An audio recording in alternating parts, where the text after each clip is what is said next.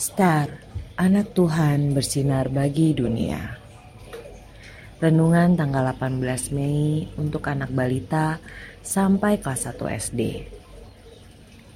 Diambil dari Markus 16 ayat 19. Sesudah Tuhan Yesus berbicara demikian kepada mereka, terangkatlah ia ke surga, lalu duduk di sebelah kanan Allah.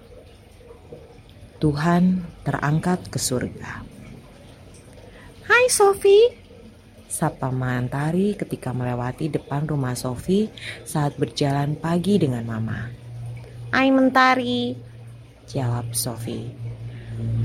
Mentari, kamu mau temani aku main gak? Aku ada mainan baru loh. Aku punya boneka Barbie. Kita main sama-sama yuk. Ajak Sofi. Hmm, maaf Sofi, aku tidak bisa hari ini.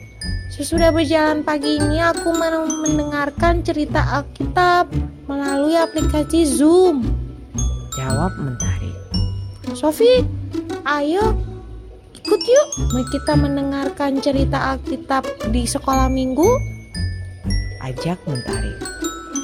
Kenapa harus ke sekolah minggu? Tanya Sofi.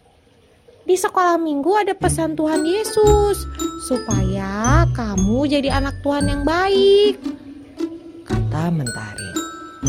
Wah, aku mau, mau. Aku ikut ya. Jawab Sofi. Terima kasih. Mentari mau mengajak Sofi. Ucap Mama Sofi tersenyum. Sesudah Sofi mandi, Nanti tante antar Sofi ke rumah Mentari ya. Lanjut Mama Sofi.